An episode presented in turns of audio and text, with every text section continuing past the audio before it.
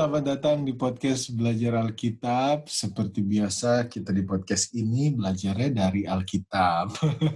Iya dong. Bersama William dan juga Stephen, kita belajar sama-sama untuk tahu apa uh, yang dikehendaki Tuhan buat kita. Betul, dan kita juga sama-sama belajar. Um, Kita di sini juga nggak um, ada bukan pingin mengajari karena kita juga pingin tahu. Makanya kita belajar bareng-bareng. Dan sejauh ini kita thank you buat teman-teman karena karena teman-teman semua yang dengerin kita juga kita jadi termotivasi buat belajar terus dan belajar terus. Yes.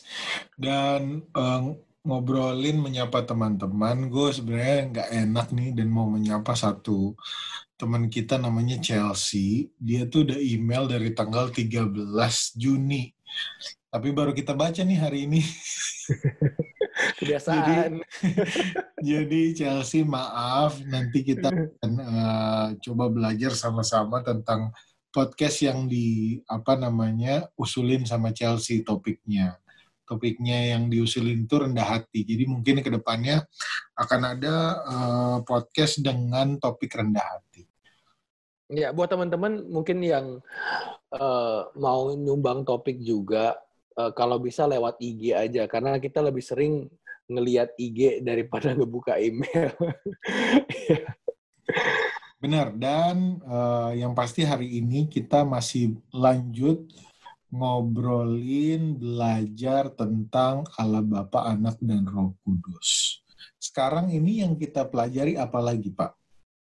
Oke, jadi kan kita udah belajar mengenai karakter Allah, kita lihat gimana Tuhan itu juga dari perjanjian lama sampai perjanjian baru, tetap uh, keberadaan Allah Bapa, Allah Anak, dan Roh Kudus itu ada terus. Cuman mungkin hmm. kita baru nge minggu lalu gitu kan pas kita yeah. belajar. Nah, sekarang kita pingin lihat sebenarnya Allah Bapa, Allah Anak, dan Roh Kudus, apakah mereka itu pekerjaannya overlapping atau enggak mereka punya kerjaan masing-masing gitu. Hmm. Karena kan kita tahu Allah kita kan pastinya in order gitu ya, penuh hmm. keteraturan hmm. dan pastinya efisien. Jadi hmm. kita ingin belajar apakah mereka punya pekerjaan masing-masing dan pekerjaannya itu distinct gitu. Jadi terpisah dan bukan uh, terpisah gimana tapi apakah mereka punya uh, pekerjaan yang uh, apa ya sebutannya lebih unik. Berkesinambungan. Uh, iya, so uh, masing-masing apakah campur aduk gitu kan? Uh, uh. Uh, apa mereka tuh udah ada bagiannya masing-masing. Nah, kayak gitu. Dan kalau misalkan uh, teman-teman dengar terus seakan-akan bilangnya kita bilangnya mereka atau kita bilangnya masing-masing. Ini bukan berarti kita bilang bahwa Allah kita tuh majemuk ya. Kita tetap mengakui bahwa Allah kita tunggal. Tapi kita juga sadar bahwa Allah kita nih menampilkan uh, tiga apa ya? Tiga pribadi. Aktor tiga pribadi yang hari ini kita mau belajar kenapa ada tiga dan apa uh, perbedaan dari ketiga pribadi dalam satu Allah ini. Dalam pekerjaannya mereka yes, gitu. Yes, betul sekali. Ya.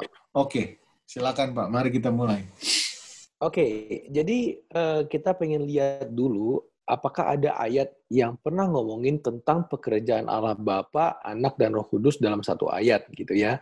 Hmm. Nah, kita coba lihat uh, dari 1 Petrus 1 ayat 2. Yaitu orang-orang yang dipilih sesuai dengan rencana Allah Bapa kita dan yang dikuduskan oleh Roh Kudus supaya taat kepada Yesus Kristus dan menerima perceki percikan darahnya. Kiranya kasih karunia dan damai sejahtera makin melimpah atas kamu. Hmm. Oke, okay.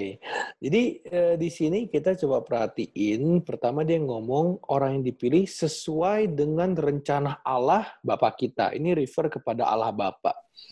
Dan kita ada dapat satu informasi di sini bahwa Allah Bapa itu berencana, gitu. Jadi eh, ada satu clue bahwa oh di menurut ayat ini Allah Bapa itu uh, tugasnya adalah sebagai perencana, sebagai sumber gitu. Hmm. Tapi nanti ini kita akan gali karena ini kan baru kayak uh, kita punya conclusion dari ayat ini ataupun hipotesa yes. kita gitu ya. Yeah. Nah, lalu dibilang dan yang dikuduskan hmm. oleh Roh. Nah, hmm. Nah, ini ada kata kerja lagi dikuduskan. Nah, dan kalau menguduskan sesuatu berarti uh, dari sini kita lihat sepertinya Roh Kudus hmm. yang melaksanakan pengudusan itu gitu ya yeah. untuk orang-orang yang dipilih atau umat Allah. Hmm. Itu supaya taat kepada Yesus Kristus dan menerima percikan darahnya. Hmm. Nah, di sini kita lihat peran Yesus Kristus adalah harus ada darahnya, pertumpahan darah itu. Hmm, hmm. Kalau nggak lewat pertumpahan darah ini nggak ada nih yang namanya kita bisa eh, apa namanya menerima pengkudusan oleh Roh ini. Hmm. Jadi di sini kita lihat Yesus sebagai perantara atau mediator di sini. Hmm. Ya. Yeah. Jadi inilah yang kita lihat dari ayat ini bahwa uh, Allah Bapa adalah sebagai perencana atau sumber, Roh Kudus sebagai pelaksananya dan Yesus sebagai perantara atau mediator. Hmm. Nah, yang sekarang kita mau lihat apakah kalau kita gali lebih dalam, kita akan melihat banyak ayat-ayat lain di Alkitab, apakah ayat-ayat itu akan paralel atau mendukung 1 Petrus 1 ayat 2 ini atau alat ayat-ayat lain bisa berseberangan dengan yang barusan kita rangkumkan ini gitu loh. Ya, oke. Okay. Nah, berarti sekarang kita mau bahas satu persatu dari uh, sosok kealahan yaitu Allah Bapa. Tadi kan dari ayat tadi kita lihat Allah Bapa sebagai perencana gitu ya. Apakah ayat-ayat yang lain juga ada mendeskripsikan seperti itu? Oke. Okay. Okay. Kita bisa mulai di 1 Korintus 11 ayat 3. Tetapi aku mau supaya kamu mengetahui hal ini, yaitu kepala dari tiap-tiap laki-laki ialah Kristus. Kepala dari perempuan ialah laki-laki dan kepala dari Kristus ialah Allah. Hmm. Oke. Okay. Uh, di sini ada informasi tambahan. Kepala dari Kristus atau Yesus ialah Allah. Dan ini pasti refer kepada Allah Bapa. Hmm. Um, seolah-olah ayat ini ngomongin bahwa Allah Bapa itu adalah yang uh, kepalanya, yang headnya, boss, hmm. he's the boss gitu ya. Hmm. Tapi uh, itu nanti kita akan bahas itu lain lagi. Tapi uh, dari sini kita dapat uh, ini paralel gitu loh, bahwa Allah Bapa perencananya sumbernya. Karena kalau kepala itu kan dari sini gitu kan, yeah. dari kepala. yang, yang memikirkan sesuatu merencanakan sesuatu anggaplah misalkan kita gitu.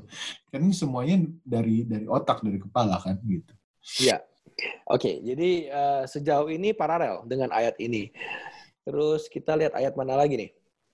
Yohanes 3 ayat 35 Bapa mengasihi anak dan telah menyerahkan segala sesuatu kepadanya Nah, hmm. ini menarik ada kata menyerahkan. Kalau bahasa Inggrisnya has given, udah memberikan. Hmm. Jadi itu paralel juga sih karena kalau misalnya kita memberikan pen lu aja deh yang kerjain.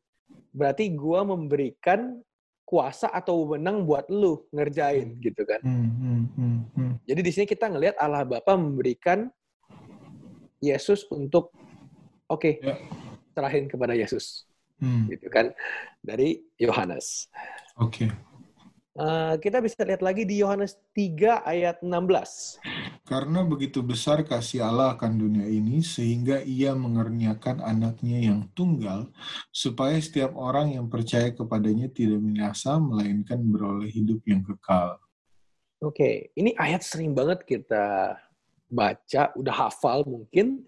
Hmm. Tapi di sini ada kata yang menarik karena kasih Allah akan dunia ini berarti ini pasti Allah Bapa karena di situ nanti ada anaknya yaitu Yesus kan sehingga hmm. Allah Bapa telah mengaruniakan anaknya yang tunggal. Jadi Allah Bapa memberikan Yesus untuk ya. mati di kayu salib. Hmm. Nah, masih paralel ya bahwa dialah yang merencanakan ini, merencanakan rencana keselamatan ini hmm. melalui Yesus. Yesus. Oke. Okay. Uh, eh, coba kita lihat lagi sekarang Wahyu 4 ayat 2 sampai 4 dan ayat 10 sampai 11. Hmm. Segera aku dikuasai oleh roh dan lihatlah sebuah tahta terdiri di surga dan di tahta itu duduk seorang. Seorang ini S-nya besar. Dan dia yang duduk di tahta itu nampaknya bagaikan permata yaspis dan permata sardis, dan suatu pelangi melingkungi tahta itu gilang gemilang bagaikan zamrud rupanya ayat 4 dan sekeliling tahta itu ada 24 tahta dan di tahta-tahta itu duduk 24 tua-tua yang memakai pakaian putih dan mahkota emas di kepala mereka. Lalu kita ke ayat 10 dan 11, maka tersungkurlah ke-24 tua-tua itu di hadapan dia yang duduk di atas tahta itu dan mereka menyembah dia yang hidup sampai selama-lamanya dan mereka melemparkan mahkotanya di hadapan tahta itu sambil berkata, Ya Tuhan dan Allah kami, Engkau layak menerima puji-pujian dan hormat dan kuasa, sebab Engkau telah menciptakan segala sesuatu, dan oleh karena kehendakmu semuanya itu ada dan diciptakan. Nah, kalau hmm. kita lihat uh, yang berikutnya, pasal berikutnya kita lihat bahwa uh, di uh, sebelah di sebelah kanan tata Allah itu ada eh, Kristus, uh, ada Yesus gitu.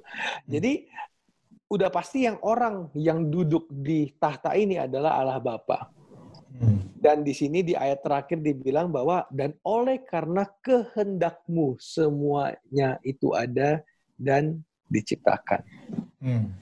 Jadi kita dapat satu gambaran lagi bahwa Allah Bapa itu ada di sorga, di tahtanya. Dia berkehendak dan dia berencana. Itulah yang dilakukan oleh Allah Bapa. Hmm. Ya. Dan kayaknya dari ayat-ayat yang tadi kita lihat um, itu udah cukup menjelaskan bahwa memang Allah Bapa itu uh, di dalam Trinitas perannya adalah sebagai perencana, perencana. Hmm. sebagai sumber. Bukan berarti dia lebih tinggi, karena nggak dibilang seperti itu nanti kita mau bahas di agak terakhir tapi dia berencana karena selalu kayak Yesus selalu melakukan kehendak Bapa ngomongnya gitu kan hmm. nah.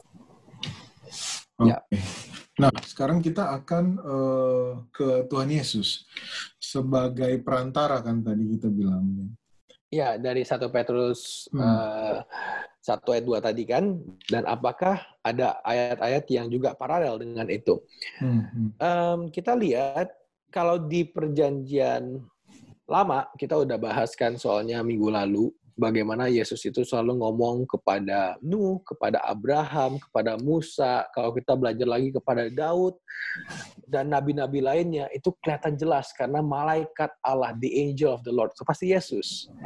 Lalu karena malaikat juga M-nya gede dan selalu malaikat itu di dalam kata-katanya ngomongan ngomongin uh, akulah Allah gitu. Jadi ya, ya. ya kan kita udah bahas minggu lalu dan di situ kita lihat Yesus itu adalah menyampaikan pesan Bapa untuk disampaikan kepada umatnya, gitu ya. Hmm. Nah, di perjanjian baru gimana? Kita mulai dari Roma 5 ayat 9. Lebih-lebih karena kita sekarang telah dibenarkan oleh darahnya, kita pasti akan diselamatkan dari murka Allah. Oke. Jadi uh, tadi kalau di 1 Petrus 1 ayat 2 dibilang bahwa kita melalui uh, percikan darahnya. Hmm. Dan di sini dibilang juga dibenarkan oleh darahnya. Hmm. Dan memang di sini kelihatan bahwa kalau nggak ada darah Kristus, maka kita nggak bisa uh, hmm. koneksi kita dengan surga, dengan Allah Bapa, hmm. dan kita pun nggak bisa punya koneksi dengan Allah Roh Kudus karena kita harus menerima Yesus dulu kan sebagai juru selamat gitu loh. Oke, jadi ini masih paralel ya. ya. Uh, sekarang lihat Efesus 1 ayat 7. Sebab di dalam dia dan oleh darahnya kita beroleh penebusan, yaitu pengampunan dosa menurut kekayaan kasih karunia-Nya. Hmm. Hmm. Kita cuma bisa Sama beroleh, ya, cuma bisa beroleh pengampunan, yaitu atau penebusan oleh darah Kristus melalui darah Kristus. Ya. Oke, okay. um, Efesus 2 ayat 13 sekarang. Tetapi sekarang di dalam Kristus Yesus, kamu yang dahulu jauh sudah jadi dekat oleh darah Kristus. Hmm. Hmm. Dulu kita jauh, jauh dari Allah, jauh dari kekudusan. Hmm. Sekarang karena perantaraan Yesus, kita jadi dekat Hmm. oleh darah Kristus kematian Yesus di kayu salib. Yes. Oke, eh, Kolose 1 ayat 20. Dan oleh dialah ia memperdamaikan segala sesuatu dengan dirinya, baik yang ada di bumi maupun yang ada di sorga. Sesudah ia mengadakan perdamaian oleh darah salib Kristus.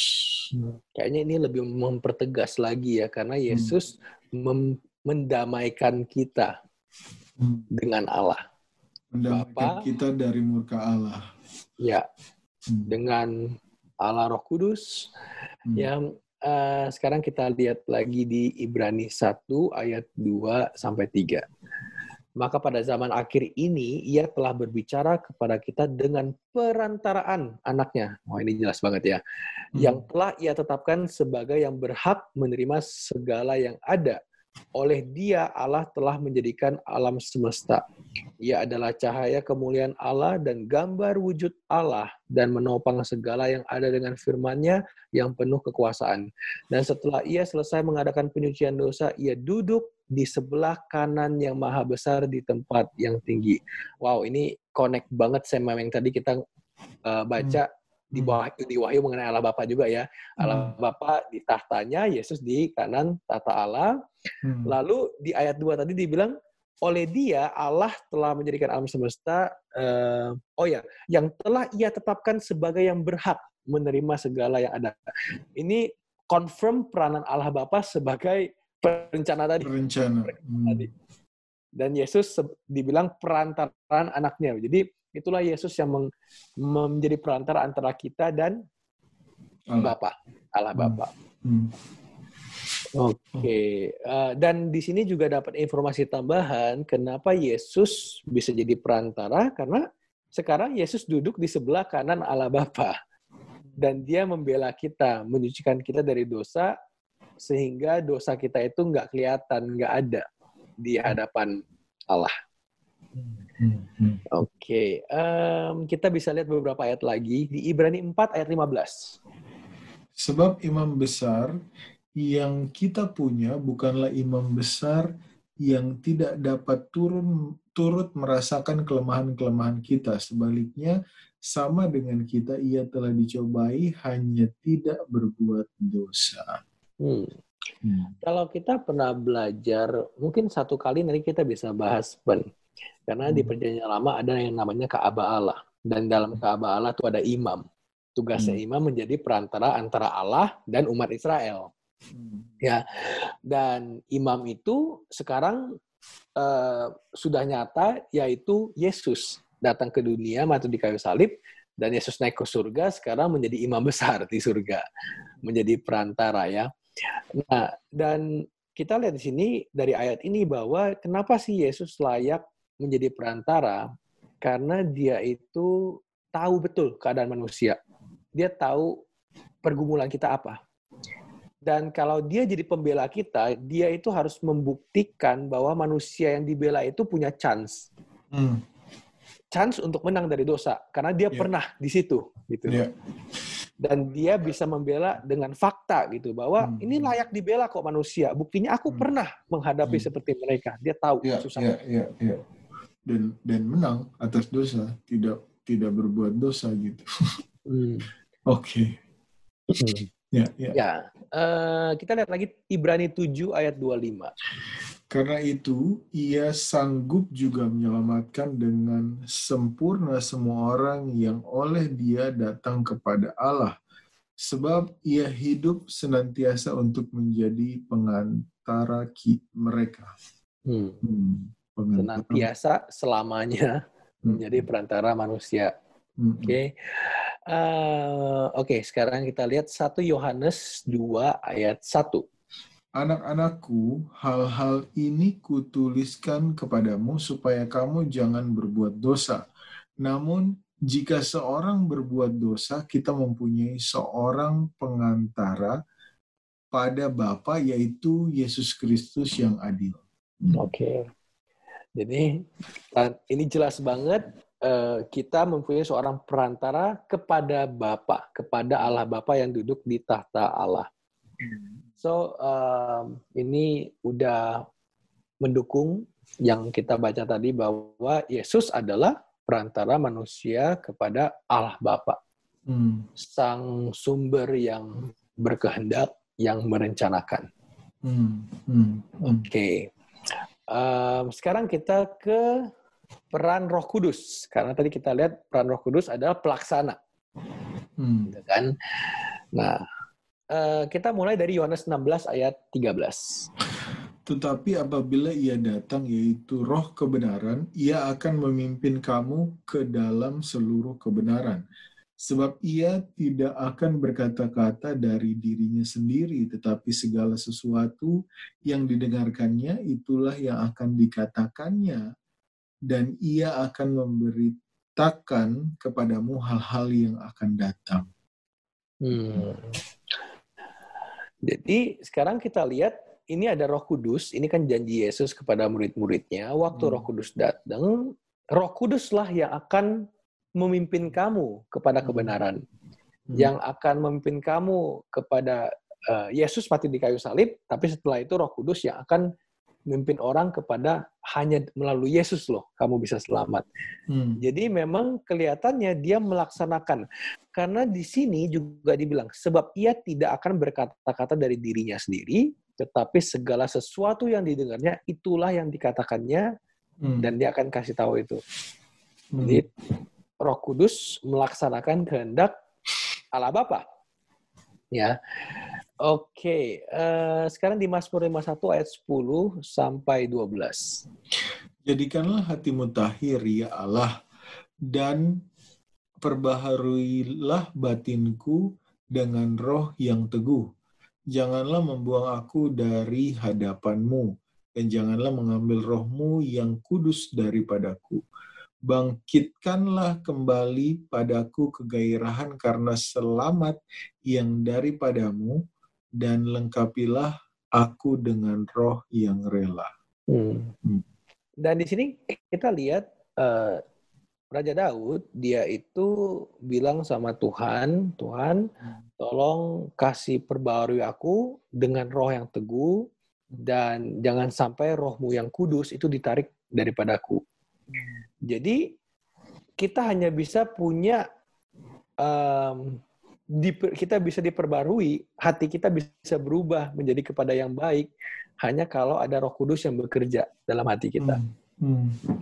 Ya, berarti uh, memang di sini kelihatan jelas bahwa Roh Kudus yang membuat kita itu bisa melakukan yang benar. Dia yang melaksanakan itu dalam diri kita. Hmm. Oke, okay. um, Matius 1 ayat 18 sampai 20. Kelahiran Yesus Kristus adalah seperti berikut. Pada waktu Maria ibunya bertunangan dengan Yusuf, ternyata ia mengandung dari Roh Kudus sebelum mereka hidup sebagai suami istri. Karena Yusuf suaminya seorang yang tulus hati dan tidak mau mencemarkan nama istrinya di muka umum, ia bermas, bermaksud menceraikannya dengan diam-diam. Tetapi ketika ia mempertimbangkan maksud itu, malaikat Tuhan nampak kepadanya dalam mimpi dan berkata, Yusuf, anak Daud, janganlah engkau takut mengambil Maria sebagai istrimu, sebab anak yang di dalam kandungannya adalah dari roh kudus. Hmm. Nah ini menarik, karena um, kita lihat tadi bahwa rencana kita ngomong sekarang ini kan semua dalam konteks rencana keselamatan manusia. Hmm. Um, kita nggak tahu uh, peran Allah Bapa, Anak dan Roh Kudus di luar yang terkait bumi ini bagaimana. Tapi uh, segala sesuatu yang Alkitab tulis itu pasti ada hubungannya dengan rencana keselamatan manusia. Intinya konteksnya kan dari situ. Dan di dalam rencana keselamatan manusia, Allah Bapa itu merencanakan Yesus Kristus menjadi ya. perantaranya, ya. tapi bagaimana Yesus Kristus bisa sampai lahir di dunia? Hmm. Itu adalah Roh Kudus. Hmm. Karena dia mengandung dari Roh Kudus. Dan hmm. di bawah tadi dibilang lagi, Maria jangan uh, Yusuf jangan takut karena anak yang dalam kandungannya itu adalah dari Roh Kudus. Hmm. Jadi rencana keselamatan ini bisa terjadi Yesus bisa datang ke dunia oleh karena peran Roh Kudus. Dari ayatnya kita lihat. Ya, ya. Akhirnya Yesus bisa terlahir sebagai Adam kedua. Hmm. Hmm. Ya. Oke. Okay. Ya. Nah, jadi uh, jelas banget sih dari tadi kita udah bahas bahwa Allah Bapa itu perencana. Hmm. Ini dalam konteks keselamatan manusia ya. Uh, roh, uh, anak itu Yesus sebagai perantara dan Roh Kudus melaksanakan hmm. apa yang dikehendaki Bapa Allah Bapa. Tapi sekarang kita ingin belajar apa aja sih yang sebenarnya dilaksanakan Roh Kudus atau apa aja sih yang sebenarnya dikerjakan Roh Kudus kepada manusia. Nah, karena ini yang penting buat kita bisa aplikasikan. Oke. Okay. Nah, kita bisa lihat di Ayub 34 ayat 14 sampai 15. Jikalau ia menarik kembali rohnya dan mengembalikan nafasnya padanya, maka binasalah bersama-sama segala yang hidup dan kembalilah manusia kepada debu. Wow, hmm. ini strong banget ayat ini karena gak banyak sebenarnya yang realize kita bisa bernafas ini karena Tuhan mengirimkan rohnya, hmm. nafas Allah itu supaya membuat kita bisa hidup. Roh Kudus itu sebenarnya pegang kendali terpenting sebagai penopang hidup kita. Hmm. Kalau ia menarik kembali rohnya dan mengembalikan nafasnya padanya, maka binasalah semua yang hidup. Ya. Oke, okay. uh, eh, dan kita bisa lihat lagi di Yohanes 16 ayat 8. Dan kalau ia datang, ia akan menginsafkan dunia akan dosa, kebenaran, dan penghakiman. Hmm. Jadi ini yang Roh Kudus laksanakan kepada kita, dia kasih tahu, bikin kita insaf. Hmm bikin kita sadar ini dosa. Bikin kita sadar bahwa ini dosa dan akhirnya kita bisa berbalik dan bertobat. Yeah. Oke, apalagi nih yang Roh Kudus laksanakan? 1 Korintus 12 ayat 3. Karena itu aku mau meyakinkan kamu bahwa tidak ada seorang pun yang berkata-kata oleh roh Allah dapat berkata, terkutuklah Yesus. Dan tidak ada seorang pun yang dapat mengaku Yesus adalah Tuhan selain oleh Roh Kudus. Hmm. Wow. Okay. Jadi Roh Kudus ini sebenarnya mendorong semua orang untuk menerima kebenaran Kristus. Artinya apa? Menerima bahwa Yesus itu Tuhan. Hmm. Karena kalau tanpa ada Roh Kudus, orang akan deny, orang akan menolak bahwa Yesus itu Tuhan. Ya. Yeah. Ya. Dan kita kelihatan banget di sini Roh Kudus sebenarnya lagi membimbing manusia supaya percaya Yesus yang adalah hmm. perantara dan juru selamat kita. Hmm. Gitu. Hmm. Hmm. Oke, okay. uh, ada lagi nih di Yohanes 16 ayat 13 sampai 15 dikatakan, tetapi apabila ia datang, yaitu roh kebenaran, ia akan memimpin kamu ke dalam seluruh kebenaran. Sebab ia tidak akan berkata-kata dari dirinya sendiri, tetapi segala sesuatu yang didengarnya, itulah yang akan dikatakannya. Dan ia akan memberitakan kepadamu hal-hal yang akan datang ia akan memuliakan aku, sebab ia akan memberitakan kepadamu apa yang diterimanya daripadaku. Segala sesuatu yang Bapa punya adalah aku punya. Sebab itu aku berkata, ia akan memberitakan kepadamu apa yang diterimanya daripadaku. Hmm. Wow. Nah, di sini kan dilihat bahwa Yesus melakukan kehendak Bapa, Bapa hmm. telah menyerahkan segala sesuatu kepada Yesus, dan Roh Kudus melaksanakan apa yang kehendak Allah Bapa dan Yesus itu. Hmm. Itu membawa manusia kepada perantara, yaitu Yesus, supaya manusia menerima Yesus sebagai juru selamat. Itu supaya hmm. bisa selamat, gitu kan? Iya. Ya. Jadi uh, Roh Kudus itu kelihatan banget selalu bekerja bersama-sama dengan Allah Bapa dan Yesus. Inilah ketuhanan itu. Hmm. Mereka nggak bisa dipisahkan satu sama lain. Iya. Dan memang pada dasarnya satu. Cuma entah gimana ini uh, Tuhan mau mau tonjolkan, mau perlihatkan ke kita memang ada tiga sosok dalam kesatuan ini dan memang itulah yang membuat semuanya ini bisa terjadi gitu. Pada saat misalkan uh, apa rencana rencana keselamatan gitu.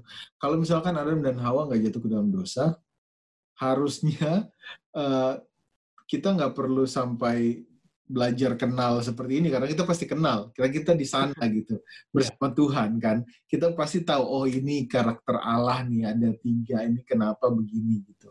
Tapi nanti kita akan semoga maksudnya kita harus setia supaya kita akan masuk ke dalam kerjaan surga dan amin. gitu karena sebenarnya pada saat uh, ada tiga apa ya gue gue sebenarnya ada bingung dengan tiga jadi satu ini cuma gue mau percaya dengan iman gue bahwa ini tuh semuanya ada maksudnya. Kalau tanpa Yesus nggak ada penebusan tadi. Pada saat Yesus sudah naik tanpa Roh Kudus juga kita, uh, maksudnya untuk kita sekarang ya, kita nggak perlu ngomongin misalkan zaman uh, perjanjian lama ada Roh Kudus juga, uh, zaman perjanjian lama ada karakter Yesus juga. Itu benar setelah kita belajar gitu. Tapi untuk kita sekarang gitu, kita nggak pernah lihat Yesus sebenarnya kan, tapi kita beriman ya. bahwa Yesus telah menebus kita Lalu ada janji Yesus bahwa Roh Kudus akan menemani kita dan mem membimbing kita. Dan sebenarnya kalau kita mau jujur, kita bisa ngerasain kok. Ya. Ya. Kita bisa bisa kayak oh iya ini ini yang salah, ini yang benar gitu. Terus kalau kita mau ikut untuk melakukan apa-apa yang benar gitu, kita jadi oh iya ya damai janjinya Tuhan tuh bahwa kita kalau sesuai dengan uh, apa yang dia mau mengikuti apa kata Roh Kudus ada damai di dalam hati artinya kan itu benar gitu apa yang hmm. kita rasain tuh nggak bohong gitu hmm. jadi hmm. ya gimana ya ya inilah yang kita harus terima karena memang kalau pakai logika makin ke sini makin nganggepnya wah ini tiga nih gitu Terus ya. yang, yang satu pesuruh, yang satu ngelaksanain doang, yang satu raja. Gitu kan kelihatannya gitu kan. Tapi ya. itu enggak.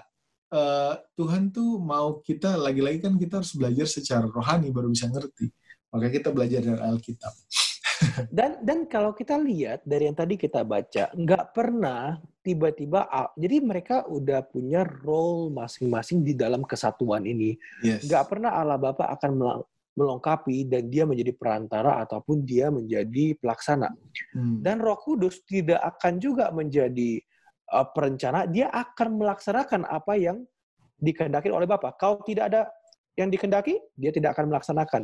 Hmm. Uh, nanti kita akan lebih bahas lagi dan ini ayat menjelaskan banget bahwa Roh Kudus ini memang Allah gitu. Dan Yesus juga uh, menjadi perantara mau dari perjanjian lama sampai baru tetap aja menjadi perantara. Artinya, kalau hanya Allah Bapa merencanakan tanpa Roh Kudus dan Yesus tidak akan terjadi. Yesus tidak bisa sendiri, Roh Kudus pun tidak bisa sendiri. Itu kita gue pakai terminologi tidak bisa itu dengan logika manusia gitu. Tapi ya. mungkin terminologi gue salah atau kata-kata gue nggak um, cukup untuk bisa menggambarkan uh, kesempurnaan kesatuan kealahan ini gitu loh. Hmm. Tapi hmm. kita tahu bahwa mereka bekerja bersama-sama in harmony entah gimana dan tidak akan bisa uh, dan itu semua selalu berjalan bersama-sama sebagai kesatuan. Melebihi hmm. dari pemahaman kita yang satu itu berarti satu pribadi satu, kayak gini gitu loh. Iya, iya. Ya. Nah, ini barusan gue juga jadi langsung kepikiran gitu. Kita lihat di sini ada karakter apa namanya di dalam satu kesatuan Allah yang esa satu itu ada tiga Allah Bapa, Anak dan Roh Kudus. Ketiganya itu tadi kita udah bahas bahwa ada yang uh, perencana, perantara, sama uh, pelaksana, hmm. ya kan?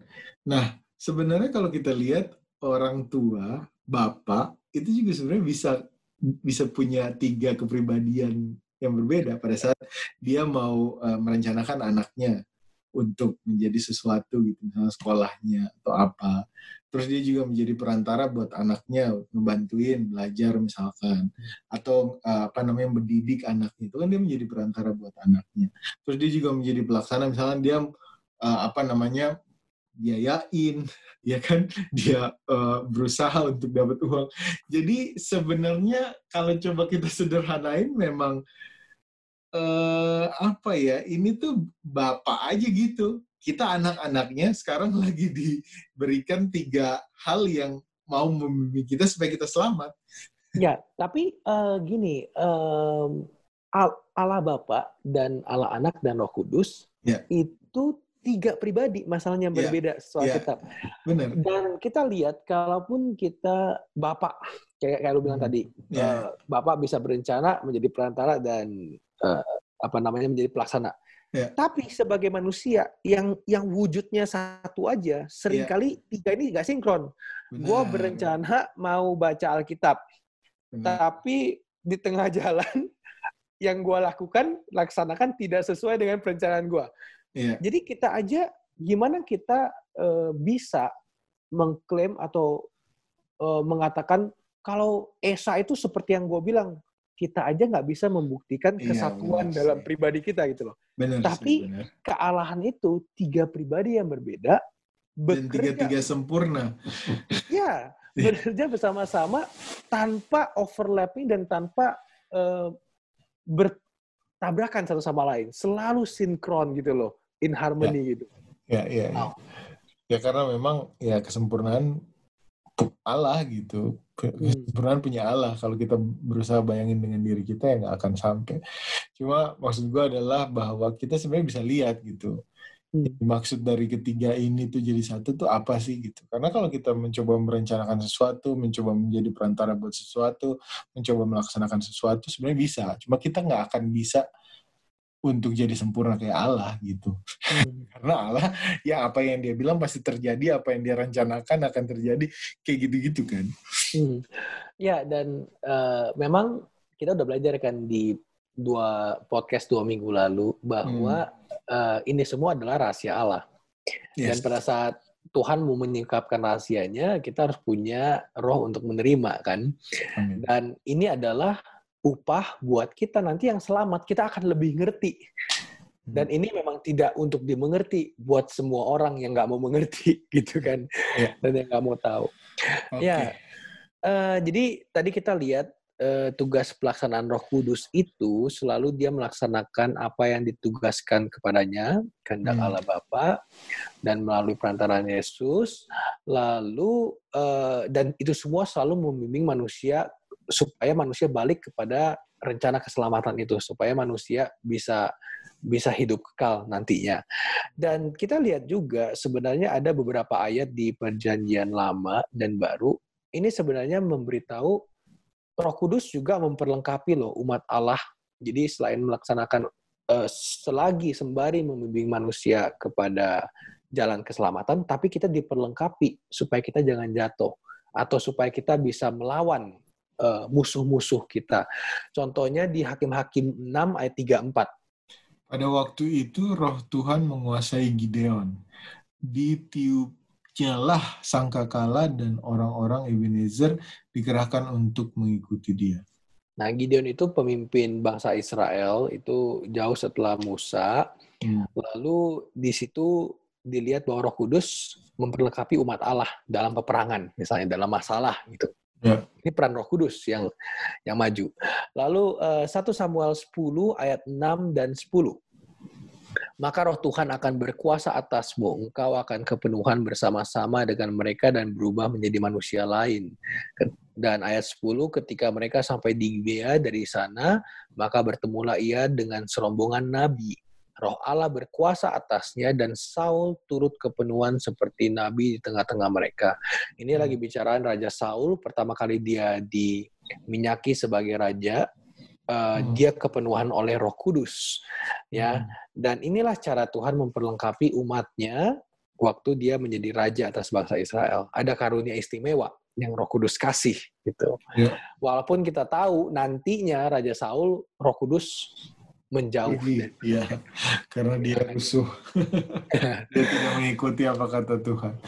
Ya. Eh, di Perjanjian Baru. Nah, kita bisa lihat juga di Kisah 1 ayat 8. Tetapi kamu akan menerima kuasa kalau Roh Kudus turun atas ke atas kamu dan kamu akan menjadi saksiku di Yerusalem dan di seluruh Yudea dan Samaria dan sampai ke ujung bumi. Hmm. Jadi waktu kita udah menerima Yesus sebagai juru selamat, kita sudah di dalam track itu Tuhan Yesus suruh kita untuk bersaksi kan? Hmm. Dan waktu kita bersaksi, Roh Kudus juga yang akan memperlengkapi kita dengan karunia-karunia. Hmm. memperlengkapi kita dengan banyak hal-hal, dengan kekuatan, dengan penjagaan. Dan tujuannya juga buat satu lagi, supaya lebih banyak orang yang datang kepada Yesus dan bisa selamat. Ya. Ya. Uh, kita bisa lihat lagi di Titus 3 ayat 5 sampai 7. Dibilang pada waktu itu dia telah menyelamatkan kita bukan karena perbuatan baik yang telah kita lakukan, tetapi karena rahmatnya oleh permandian kelahiran kembali dan oleh pembaruan yang dikerjakan oleh roh kudus, yang sudah dilimpahkannya kepada kita oleh Yesus Kristus, Juru Selamat kita, supaya kita sebagai orang yang dibenarkan oleh kasih karunia-Nya, berhak menerima hidup yang kekal sesuai dengan pengharapan kita. Nah ini kayak summarize semuanya gitu loh. Yeah. Roh Kudus pasti yang dia laksanakan adalah memimpin umat Tuhan supaya menerima Yesus dan sebagai juru selamat. Hmm. Ya, dan menerima hidup yang kekal nantinya. Hmm. Hmm. Ya. Dan kita nggak usah ragukan lagi Allah Bapa, Allah Anak dan Roh Kudus itu selalu bekerja bersama-sama dan tidak bisa terpisahkan dalam pekerjaannya. Mungkin ibarat roda kali ya. Kalau jadi perfect bulatnya itu kalau misalnya ada satu yang yang peot atau apa udah nggak perfect lagi udah nggak bisa sempurna gitu nah makanya tadi kan kita akhirnya lihat wah kalau dari segi logika manusia yang satu berencana satu kepalanya satu merantaraan kayak hmm. nadinya yang satu melaksanakan jadi tangannya lah kakinya gitu lah kalau kita logika manusia ya. berarti paling tinggi menurut lu siapa dong kalau secara logika kita paling tinggi perencana. Perencana, kepala gitu kan, otaknya hmm. gitu. Hmm. Ya, nah tapi uh, apakah demikian gitu? Itu pertanyaannya. Karena kita tuh uh, bahkan gua sendiri uh, selalu kayak kayak hampir gue mau berpikir seperti itu bahwa Allah Bapa itu selalu yang tertinggi. Lalu kita akan uh, kayak mau terjebak dalam pemikiran itu. Nah, uh, ini kita mau lihat apakah uh, begitu di dalam kealahan gitu ya. Hmm. Uh, Yohanes 17 ayat 1. Demikianlah kata Yesus, lalu ia menengadah. Ulang ya teman-teman. Ini emang bahasa Alkitab nih, gue emang biasa baca komik sih, jadi susah baca Alkitab nih. Yohanes 17 ayat 1. Demikianlah kata Yesus, lalu ia menengadah ke langit dan berkata, Bapa, telah tiba saatnya. Permuliakanlah anakmu supaya anakmu mempermuliakan engkau. Hmm. Permuliakanlah anakmu supaya anakmu mempermuliakan engkau. Kita lihat hmm. bahwa Allah Bapa um, Oh, Yesus meminta Allah Bapa mempermuliakan dia. Tapi kita bisa lihat lagi nih ayat yang lain yang yang bahkan itu um, uh, bisa melihat bahwa bukan cuma Allah Bapa yang dipermuliakan. Yohanes 13 ayat ayat 31 dan 32. Sesudah Yudas pergi berkatalah Yesus, sekarang anak manusia dipermuliakan dan Allah dipermuliakan di dalam dia. Hmm. Kalau Allah dipermuliakan di dalam dia, Allah akan mempermuliakan dia juga di dalam dirinya dan akan mempermuliakan dia dengan segera. Waduh. Kita lihat dalam kealahan ini Allah Bapa, Allah Anak itu saling mempermuliakan terus. Gak ada yang bilang akan mempermuliakan dirinya sendiri. Hmm. Yesus mempermuliakan Allah, Allah mempermuliakan Yesus. Ya. Dan sekarang kita lihat bagaimana dengan Roh Kudus? Yohanes 16 ayat 13 sampai 14. Tetapi apabila ia datang, yaitu roh kebenaran, ia akan memimpin kamu ke dalam seluruh kebenaran, sebab ia tidak akan berkata-kata dari dirinya sendiri, tetapi segala sesuatu yang didengarnya, itulah yang akan dikatakannya, dan ia akan memberitakan kepadamu hal-hal yang akan datang. Ia akan memuliakan aku, sebab ia akan memberitakan kepadamu apa yang diterimanya daripadaku. Wow, di sini kita lihat bahwa Roh Kudus mempermuliakan Yesus.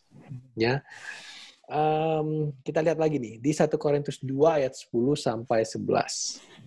Karena kepada kita Allah telah menyatakannya oleh Roh. Sebab Roh menyelidiki segala sesuatu, bahkan hal-hal yang tersembunyi dalam diri Allah.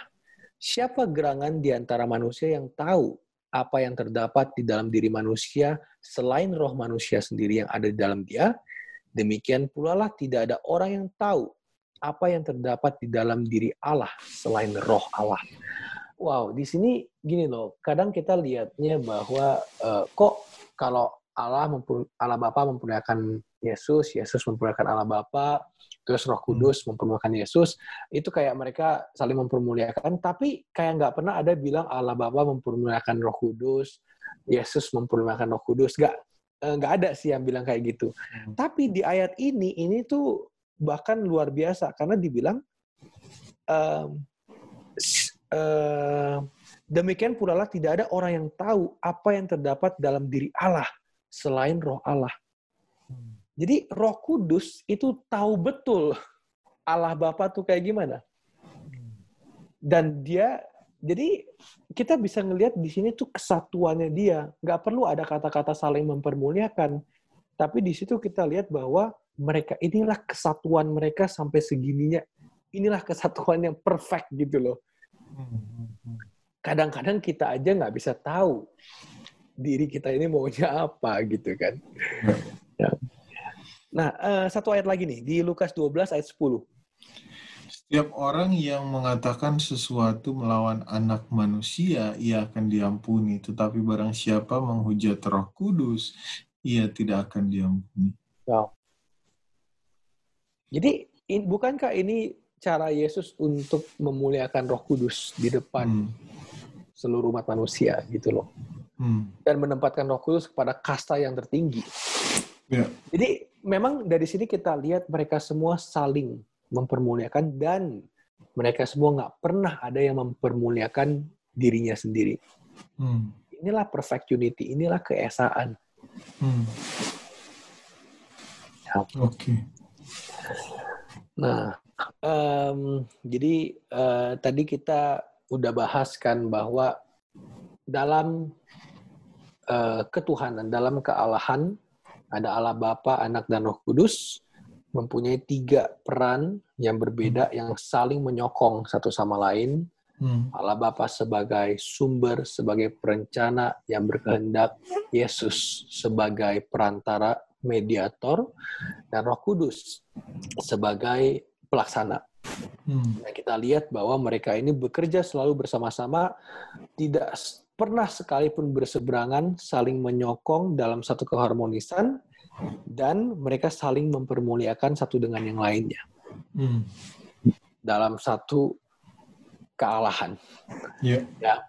Dan dengan mengetahui ini, kita pasti lihat, wow, ini sangat merubah, memberikan kita informasi lebih terhadap pandangan kita kepada Allah. Dan dan pas gua pun sendiri ngerti ini pertanyaan pertama yang muncul dalam benak gua adalah kalau gitu sekarang cara gua berdoa gimana nih hmm. karena kan kita biasa bilang Tuhan kalau Tuhan Allah Bapa gitu kan hmm. nah tapi kita mengerti bahwa wow sekarang ada di dalam satu kealahan itu ada Allah Bapa, Allah Anak dan Roh Kudus mempunyai hmm. peran yang berbeda-beda bagaimana ini bisa membantu kita dalam berkomunikasi dengan Allah. Hmm. Nah, apakah waktu uh, ayat-ayat, nah kita mau lihat ayat-ayat ini, apakah ini bisa tetap paralel gitu loh. Dan bahkan waktu Yesus mengajarkan untuk berdoa, apakah ini paralel dengan yang kita barusan belajar tadi, gitu kan? Yeah. Yeah. Nah. Oke, okay, uh, eh, kita mulai dari Matius 6 ayat 6. Tetapi jika engkau berdoa, masuklah ke dalam kamarmu Tutuplah pintu dan berdoalah kepada Bapamu yang ada di tempat tersembunyi. Maka Bapamu yang melihat yang tersembunyi akan membalasnya kepadamu. Hmm. Yesus sendiri bilang kalau berdoa, berdoa kepada Bapa, kepada Allah Bapa.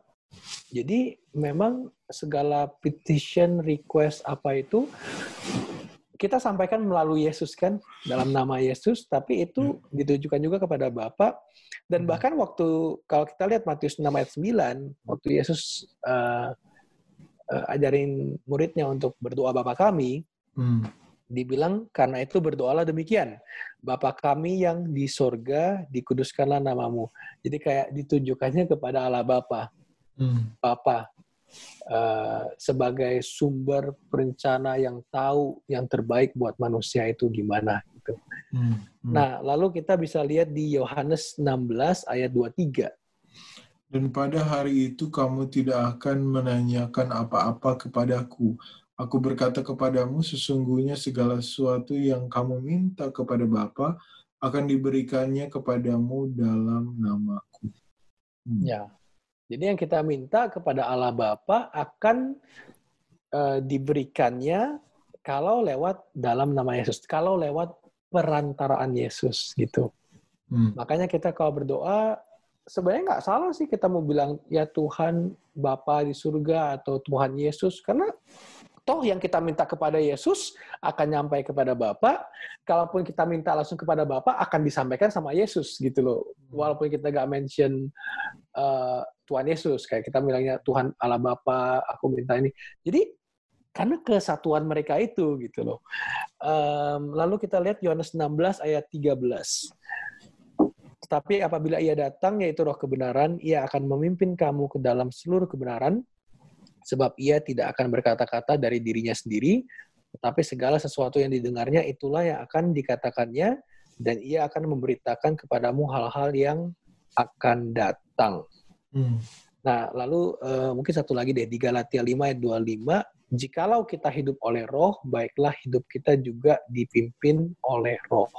Jadi, kita berdoa, uh, karena harus melalui Tuhan Yesus menyampaikan Allah Bapa, kita sampaikan dalam doa kita, tapi kita harus ingat selalu minta Roh Kudus untuk pimpin kita. Karena apa pun doa kita yang akan merubah kita kepada jalan kebenaran adalah si pelaksana, Roh Kudus, hmm. Allah Roh Kudus gitu. Hmm. Jadi um, di sini kita lihat jadi uh, bahwa Allah Bapa, Allah Anak dan Roh tiga pribadi berbeda tapi bekerja sama dalam satu kesatuan, dalam satu keharmonisan.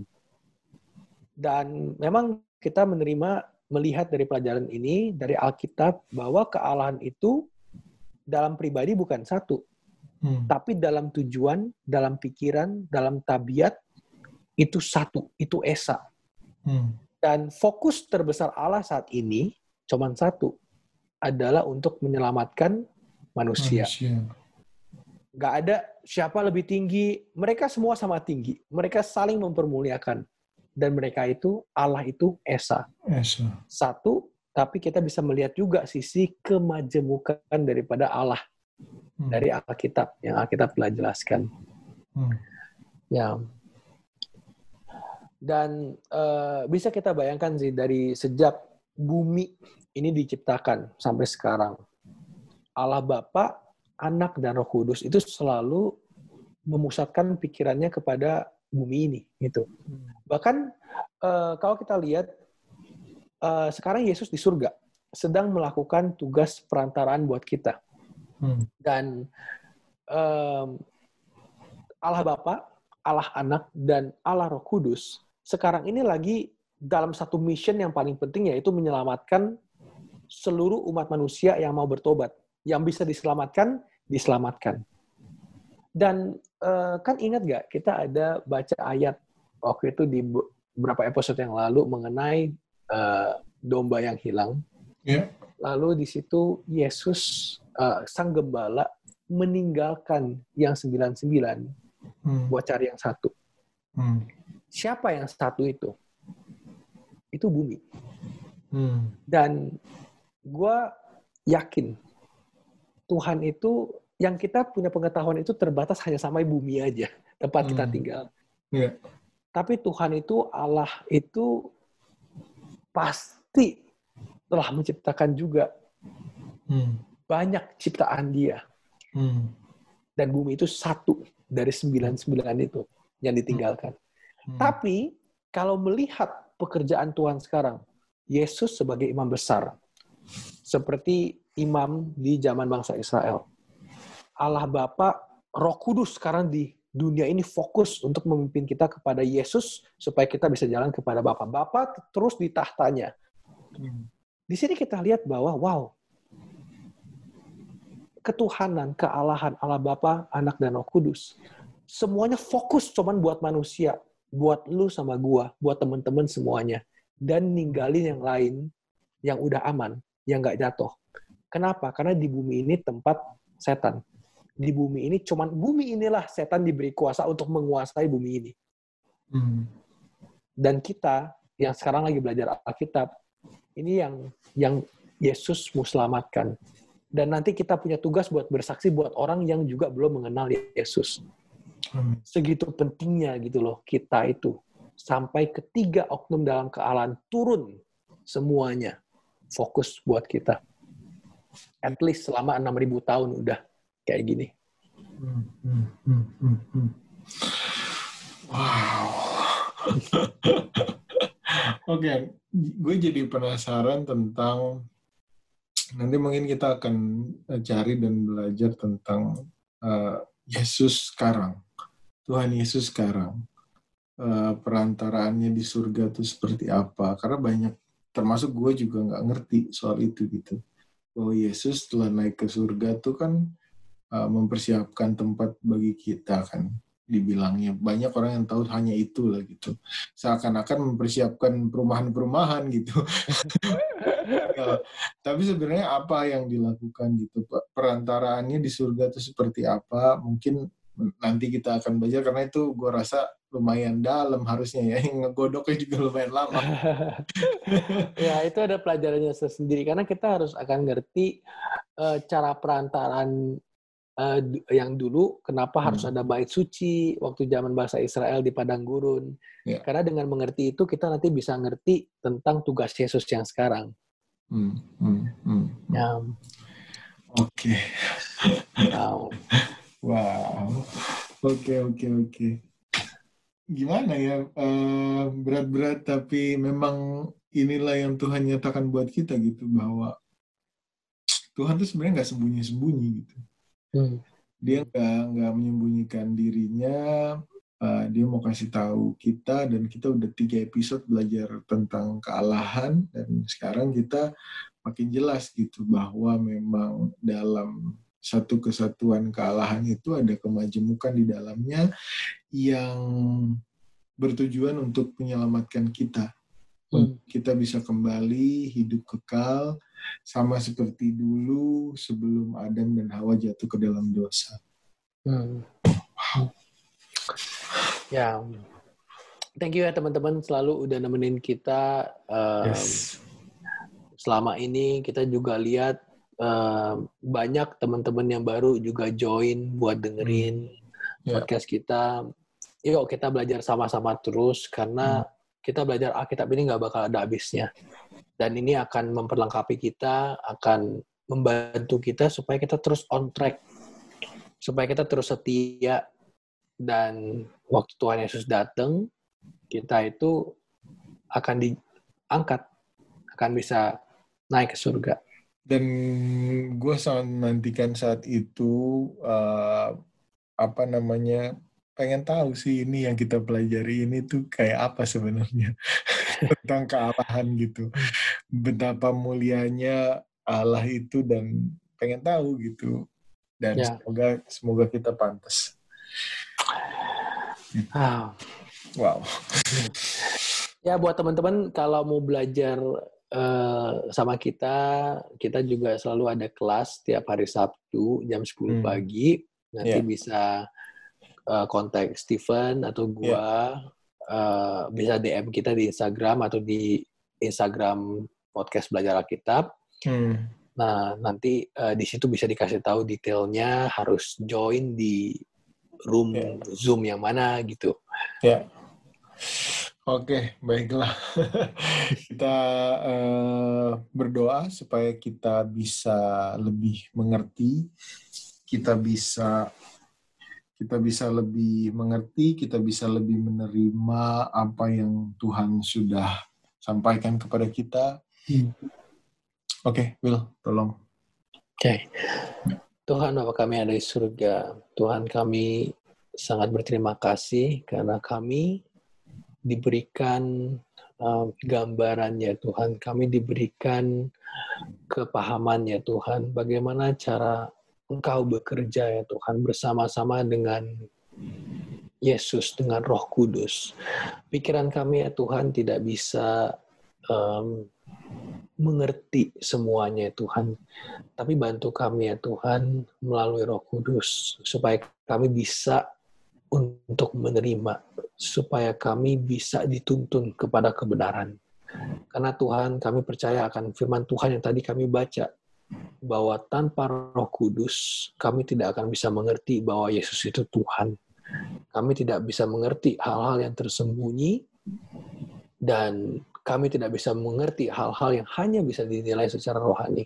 Tuhan bantu kami semua di sini supaya kami selalu bertumbuh dan supaya kami selalu akan mengandalkan Tuhan bahkan dalam cara kami berpikir sekalipun ya Tuhan. Bantu kami semua teman-teman di sini supaya kami terus selalu rajin dan kami akan selalu bertumbuh.